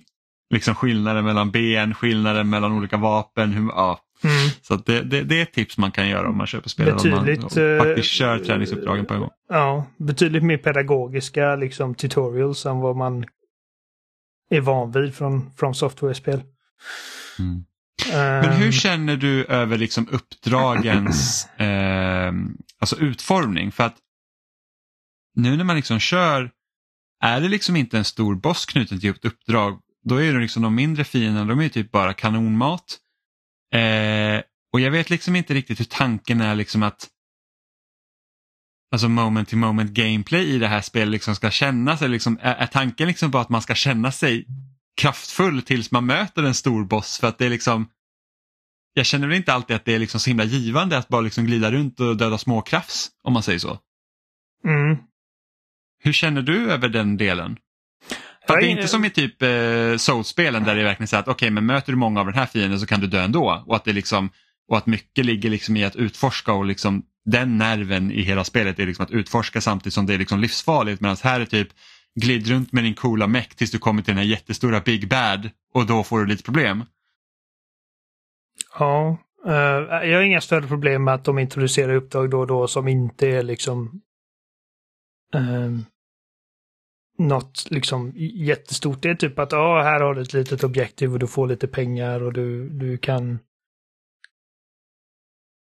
testa dig fram lite med nya vapen och grejer utan att känna någon större press. Uh, jag känner alltså ah, Dels så blir det liksom att okej, okay, det är lättare att sitta liksom i kortare sessioner som att det är uppdelat i uppdrag. Så man bara okej, okay, den här gången, jag, jag tar ett par uppdrag den här sessionen. Eh, för att jag inte haft tid att verkligen, verkligen liksom sitta flera timmar i sträck. Um... Däremot känner jag, alltså, du nämnde liksom att eh, en stor del av Dark Souls och de här spelen är liksom utforskande. Och det finns liksom inte särskilt mycket att utforska. Det är vissa fiender som har typ, eh, de kallar det inte Bounties, de kallar det Log Hunt. Och vissa fiender mm. är liksom markerade och för varje sån markerad fiende du dödar, oftast är de liksom lite tuffare fiender som inte är en del av huvudobjektivet. Och då går din mätare upp och när du går upp en level så får du, blir du belönad med någon del eller någonting. Eh, så det finns.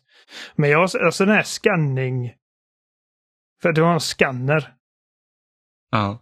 Som jag har för mig att de sa i början av spelet liksom att du kan scanna fiender och typ eh, föremål eller containers att hitta med delar i. Och jag, bara, jag, jag har inte hittat en enda grej. Jag hittat en del.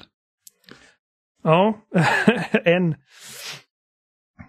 Och den var eh. inte så, den var liksom inte, det var inte svårt att missa den för att den banan jag var på var rätt så linjär. Eh, men jag började också mm. undra för att jag tycker den här skannen jag vet inte liksom hur lång range den har, liksom hur nära, för jag, jag har också fått upp typ någon logg när jag skannat och typ är det något som blistrar till i närheten men annars så tycker jag liksom att... Då faller det utslag man, på den. Nej, precis. Det är inte så att man hittar ofta. Jag tycker till och med alltså, det var något uppdrag där fiender var liksom osynliga där tutorialen sa att om jag skannar rummet så kan du se dem bättre och sen så kom jag till en del att det spelar ingen roll om jag skannar för jag såg ingenting mer ändå. Mm. Så att eh, ja, det är lite weird. Jag tycker inte om röstskådespelet riktigt.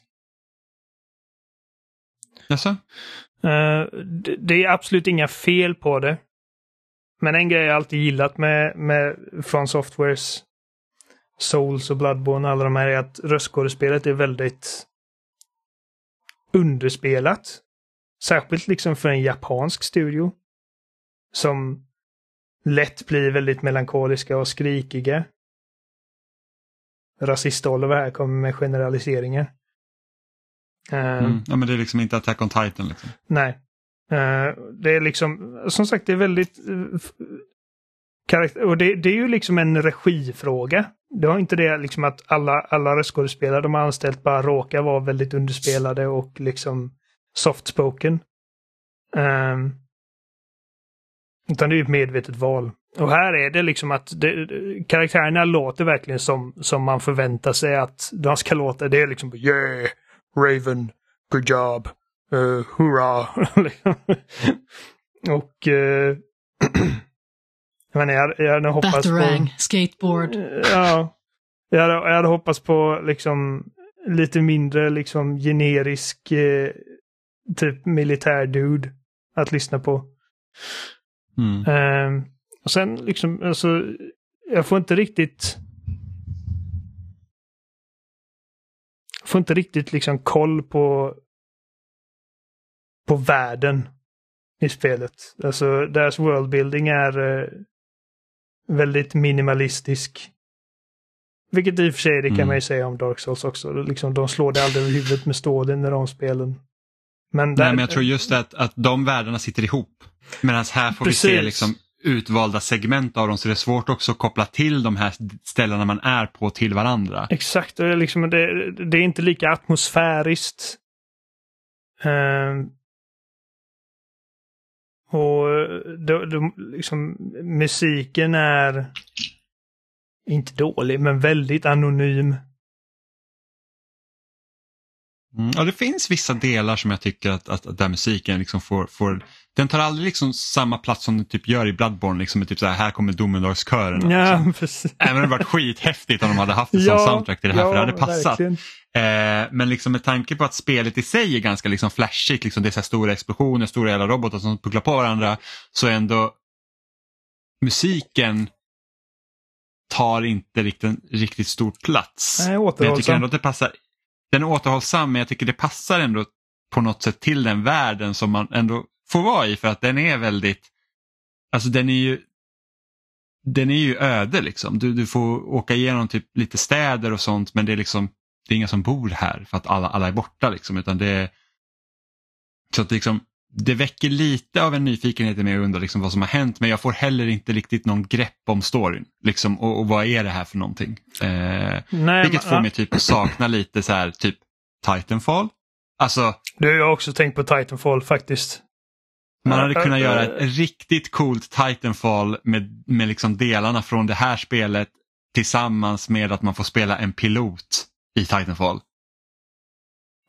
Ah, alltså, Titanfall, fan vad bra det kändes. Och det, och det är också, alltså, vapnen, det finns massa olika vapen och de har olika spännande effekter och grejer. Men att bara skjuta vapnet känns inte alls lika bra som det gör i Titanfall exempelvis. Tar liksom chain gunnen i Titanfall, man bara, oh, jag bara sprutar metall över den här jäveln.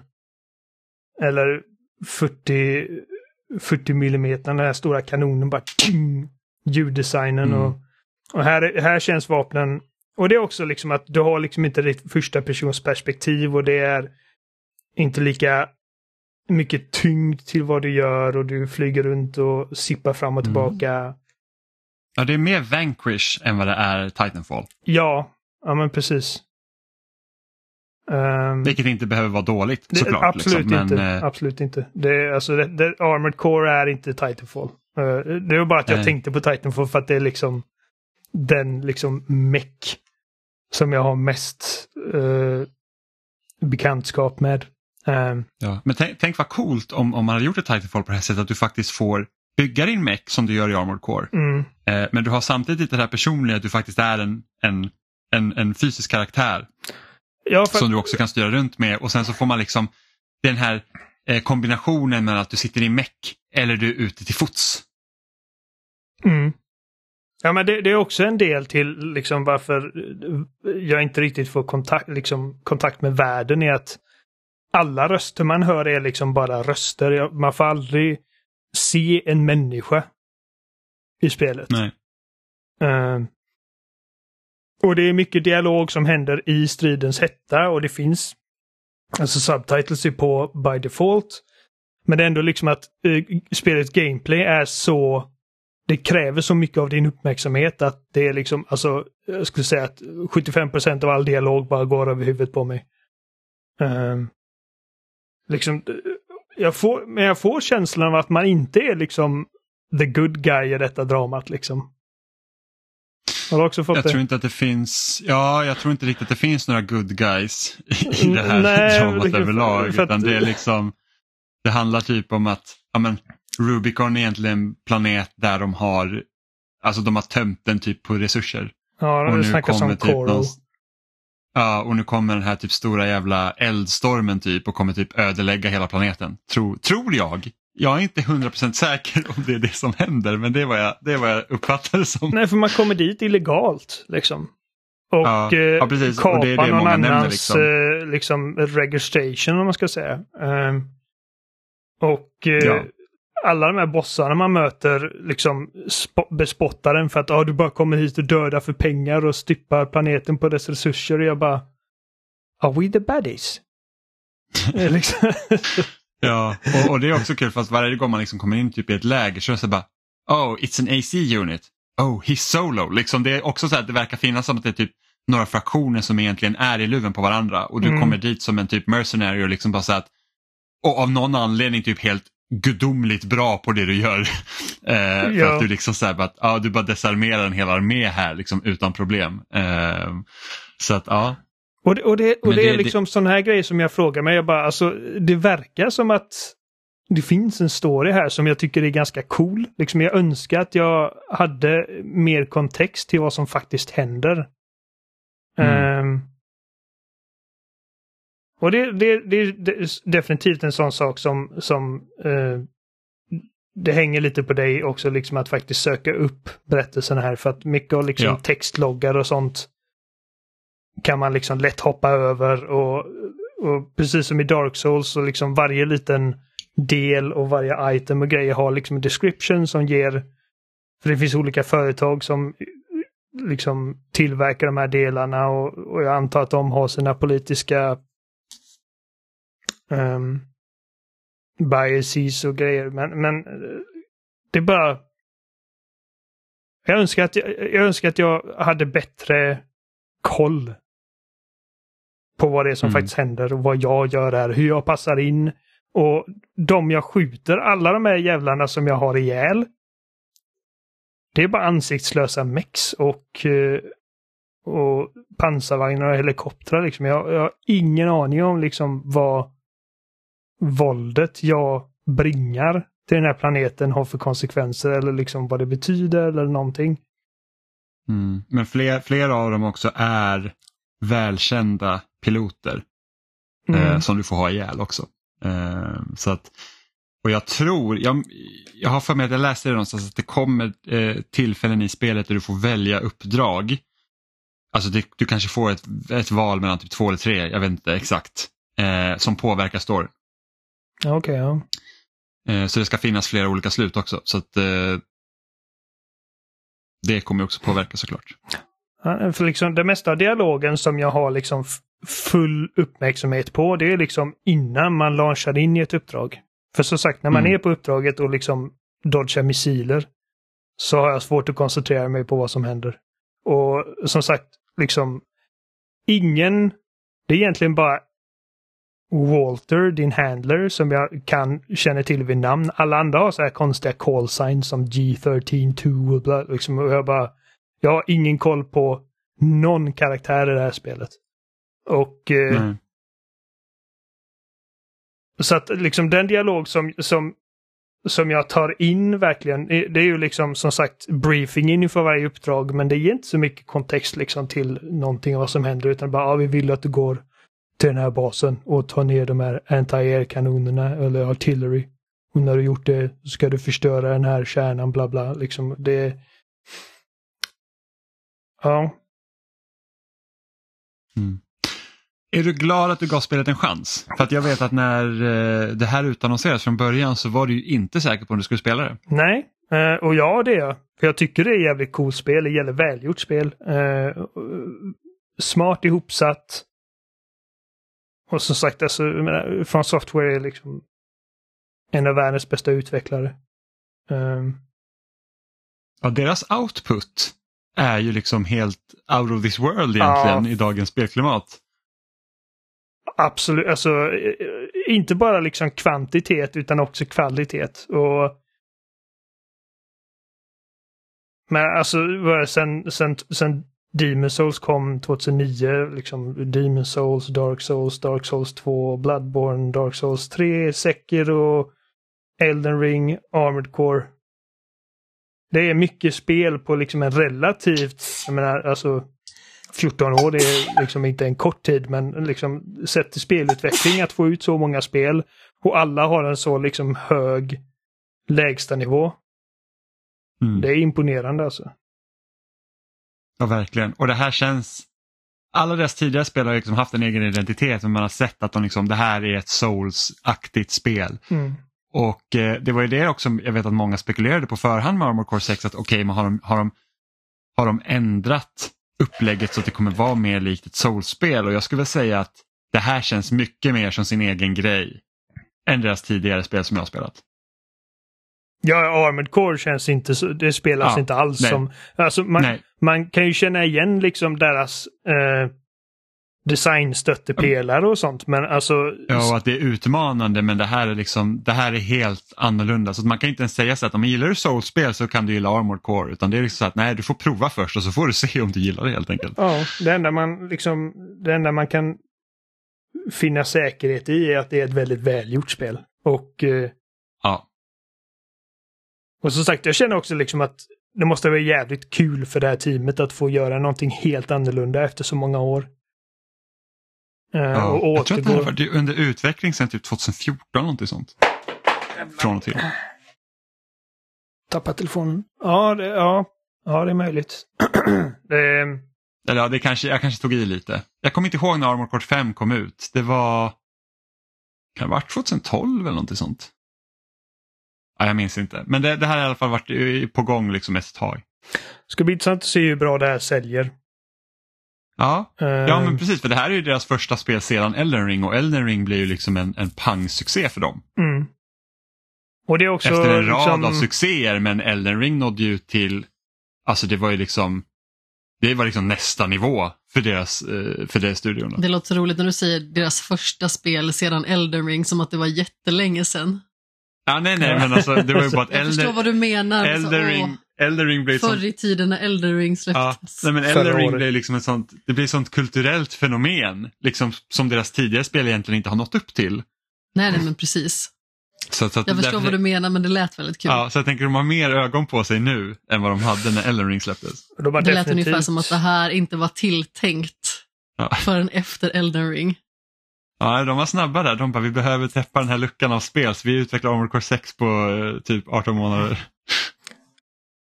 Och det är definitivt deras första spel som inte är ett liksom Soulsborne-spel. Sen de blev liksom så världskända som de har blivit.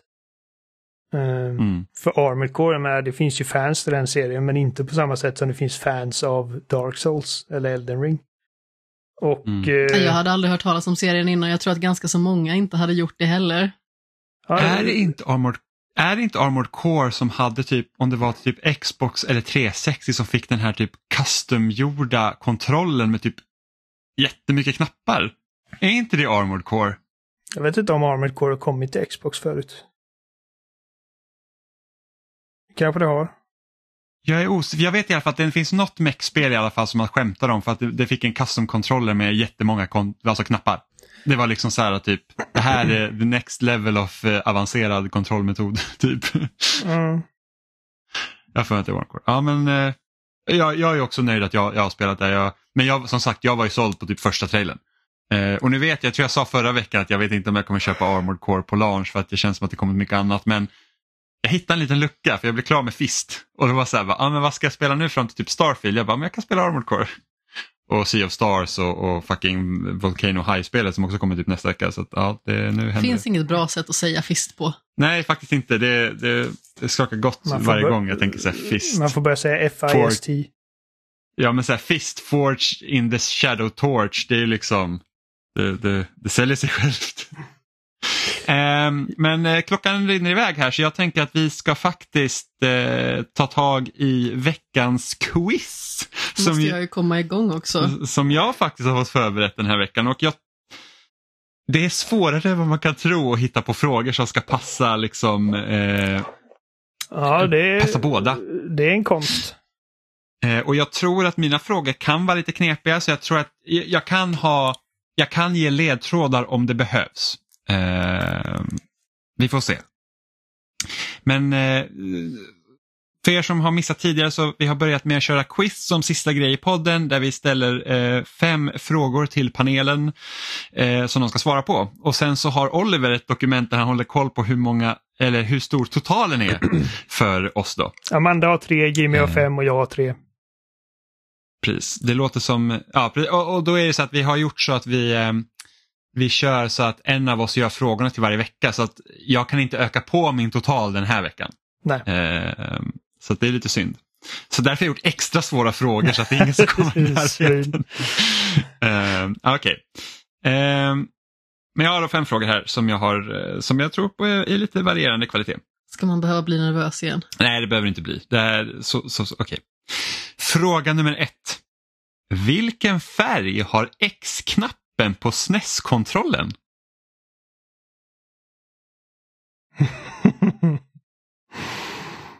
Nej, inte, inte fuskkika nu någonstans. Jag tror inte jag har någon synlig SNES-kontroll här heller. Men det, Nej, nej jag, jag kikar Nej, det har vi faktiskt inte. Vi har en SNES Mini, men den Och- har ingen handkontroll. jo, den har handkontroll men de är gömda. Det var ju det jag menade. Ja, precis. Eh, se till när ni har ringat in era svar.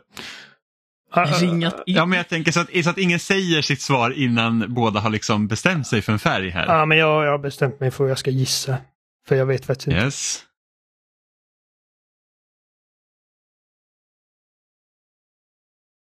Jag har inte heller en blekfet aning.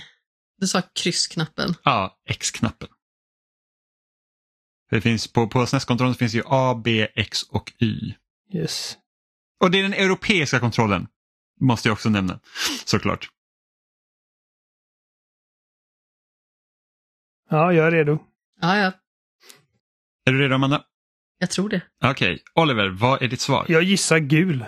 Eh, helt baserat på att jag känner att A och B borde vara grön och röd. Och X är blå på Xbox. Och jag tror inte de hade satt samma färg eh, som på Super Nintendo, så jag gissar gul. Ja, Amanda? Jag har inget minne av det här så jag svarade grön. Rätt svar är blå. What? Ja, så, så knapparna på SNES-kontrollen är faktiskt Y är grön, X är blå, B är gul och A är röd. Kast.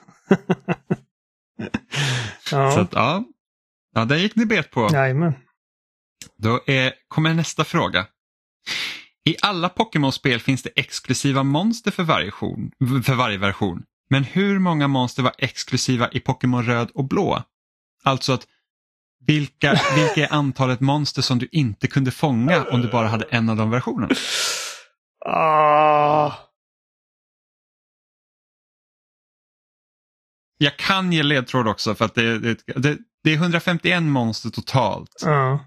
i, eh, i, eh, i spelen då. Och det är inte många monster som är exklusiva. Nej.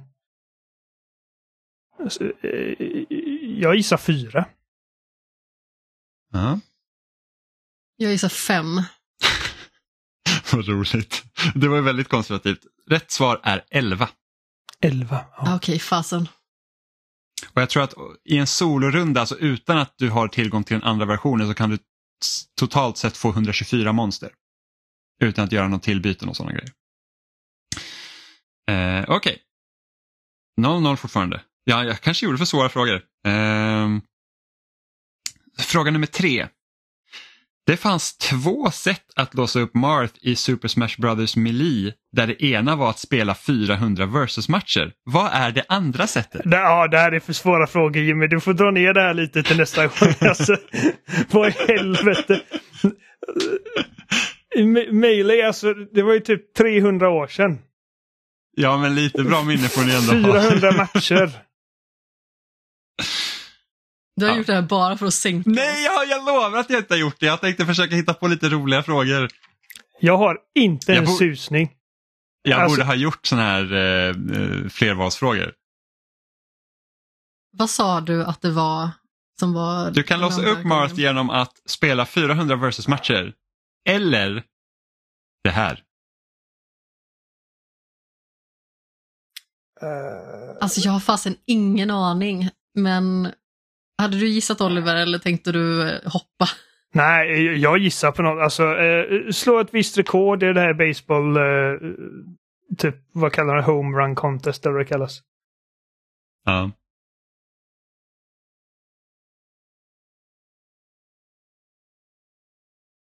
Alltså det står verkligen helt still. Jag har liksom aldrig reflekterat över vad man ska göra för att låsa upp dem. De bara låstes ju upp.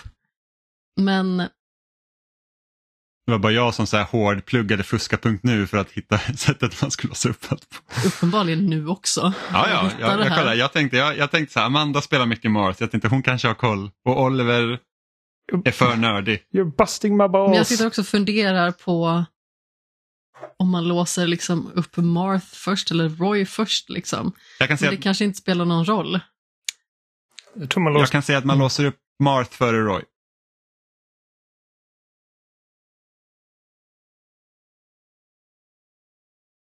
Då gissar jag att man eh, spelar igenom eh, klassikläget tio gånger. Amanda var fan nära då måste jag säga. Eh, du ska spela Adventure eller Classic Mode med 14 av starterkaraktärerna. Men du behöver inte spela igenom dem, du måste bara använda dem. Men du var inte långt ifrån. Det är nästan värt en poäng. Nej, det är det fan de inte. Okej, ja, det, var dåligt av er. Um, Okej, fråga, nummer fråga nummer fyra. Alltså, jag börjar nästan skratta för att ni kommer bara tycka att jag är helt dum i huvudet. Ja. En av de mest klassiska eh, första nivåerna i ett spel någonsin är bana 1-1 i Super Mario Bros. Men vilket frågeteckens box ligger den första supersvampen i? Alltså i ordningen. Supersvampen, alltså den som man blir stor av. Yes. Vilk, vilken box i ordningen ligger den i när man, när man spelar bana 1-1?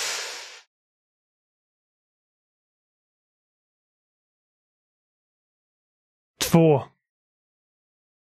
Jag säger också två för att det är en separat som är med typ två stycken tegelstenar och sen en i mitten har jag för mig och sen så är det en avlång med typ tre tegelstenar och sen så är det varannan frågetecken. Så jag tror också att det är den andra, alltså det är den första på den andra längden. Rätt svar är två. Yes! Så den kunde ni. Det var bra. För jag tänkte säga, vad, vad är det så här, vad är det någonting som jag vet att vi alla verkligen har spelat och som man kanske liksom inte riktigt tänker på när man kör det. Men det, ja. box! Åh, fan. Ja, ja, precis. Jag hade, när jag kom på den här frågan så tänkte jag eh, låda nummer tre. Eh, jag hade haft fel. Ja, det är rätt åt dig. ja, men det var bra. Ett poäng var. Eh, så nu kan ni tangera mitt rekord. Eh, fråga nummer fem. I Animal Crossing har Nook-familjen med Tom i spetsen skapat ett utsugar-imperium. Men vad heter hans två hantlangare? Jag ger upp. Nej, Oliver. Du har ju spelat Animal Crossing. Ja, men. Jag, jag, kan, jag kan Nuck, jag kan Isabelle, jag kan KK Rule och det är typ de jag kan. Vad fan. Mina bara, vad heter Det är karaktären? inte ens rätt spel. Nej, just det. KK Slider. Ja, och jag precis. bara, vad heter karaktär, vad heter protagonisten i Gone Home? Och bara, åh, vilken Ja, ekoterrorgrupp eh, jobbar Cloud för? Och... Jag tyckte att Herregud. mina frågor var betydligt mer rimliga också. Jag kanske vet. Ja. Är det Timmy och Tommy? Ja, det stämmer. Yes! Det är rätt. Så nu fick du två poäng. Se, det var inte omöjligt. Timmy och Tommy. Alltså det var ju egentligen en gissning. Det var liksom så här, jag vet att de heter någonting typiskt tvillingaktigt. Ja, men okej, jag kan väl hålla med om att Pokémon-frågan och Super Smash-frågan var lite kniviga, men rätt, de andra tre var ju ändå rimliga. Ja, fast var de det Jimmy? Färg på knappen, ni har alla hållit i en SNES-kontroller. Ja, de var rimligare än, än Smash och eh, Pokémon-frågorna i alla fall. alltså, men det hade funkat bra om man hade haft eh, flervalsfrågor. Ett kryss två. Och det roligaste var att jag tänkte först fråga så här, hur många versus-matcher måste man spela för att få upp Mars? Men så tänkte jag så här, det kanske är för lätt. Sen stod jag andra istället. Alltså det är 20 år Alltså, gammalt vem spel. är du ens? Ja, jag lovar att Martin, Martin hade kunnat det. Martin vars typ hela mening med livet är Smash Melee. Ja visst. Ja, det Precis, det jag. var, den här frågan var dedikerad till Martin. Eh, Men ja, Amanda fick två poäng och Oliver du fick en poäng. ja, och så nu står det Amanda Bra 5, jobbat. Jimmy 5 och Oliver pissiga 4. Pissiga fyra också. Det är vad som står bredvid. Ja, men precis. Eh, ja, men det var allt vi hade för den här gången. Ja, jag får fortsätta att sitta och ha ågren över att jag liksom var så himla negativ innan. Jag vet inte riktigt vad som flög i mig. Jag sitter typ och skäms lite grann. Eh, Krille-syndromet. Sluta. Eh, ni hittar oss som vanligt på spelsnack.com och där finns också länkar till alla ställen vi finns som Spotify, Apple Podcast, eh, YouTube, Facebook, Twitter, Instagram. Eh, ni kan mejla till oss på kontaktespelsnack.com om ni har några frågor eller funderingar eller vill att vi ska prata om någonting specifikt. Eller så kan ni surfa in på loading.se där vi också lägger upp avsnittet varje vecka och ni kan kommentera där. Eh, ja, om vi inte har något mer så syns vi igen nästa vecka. Hej med er. Hej då! Puss i ljumsken.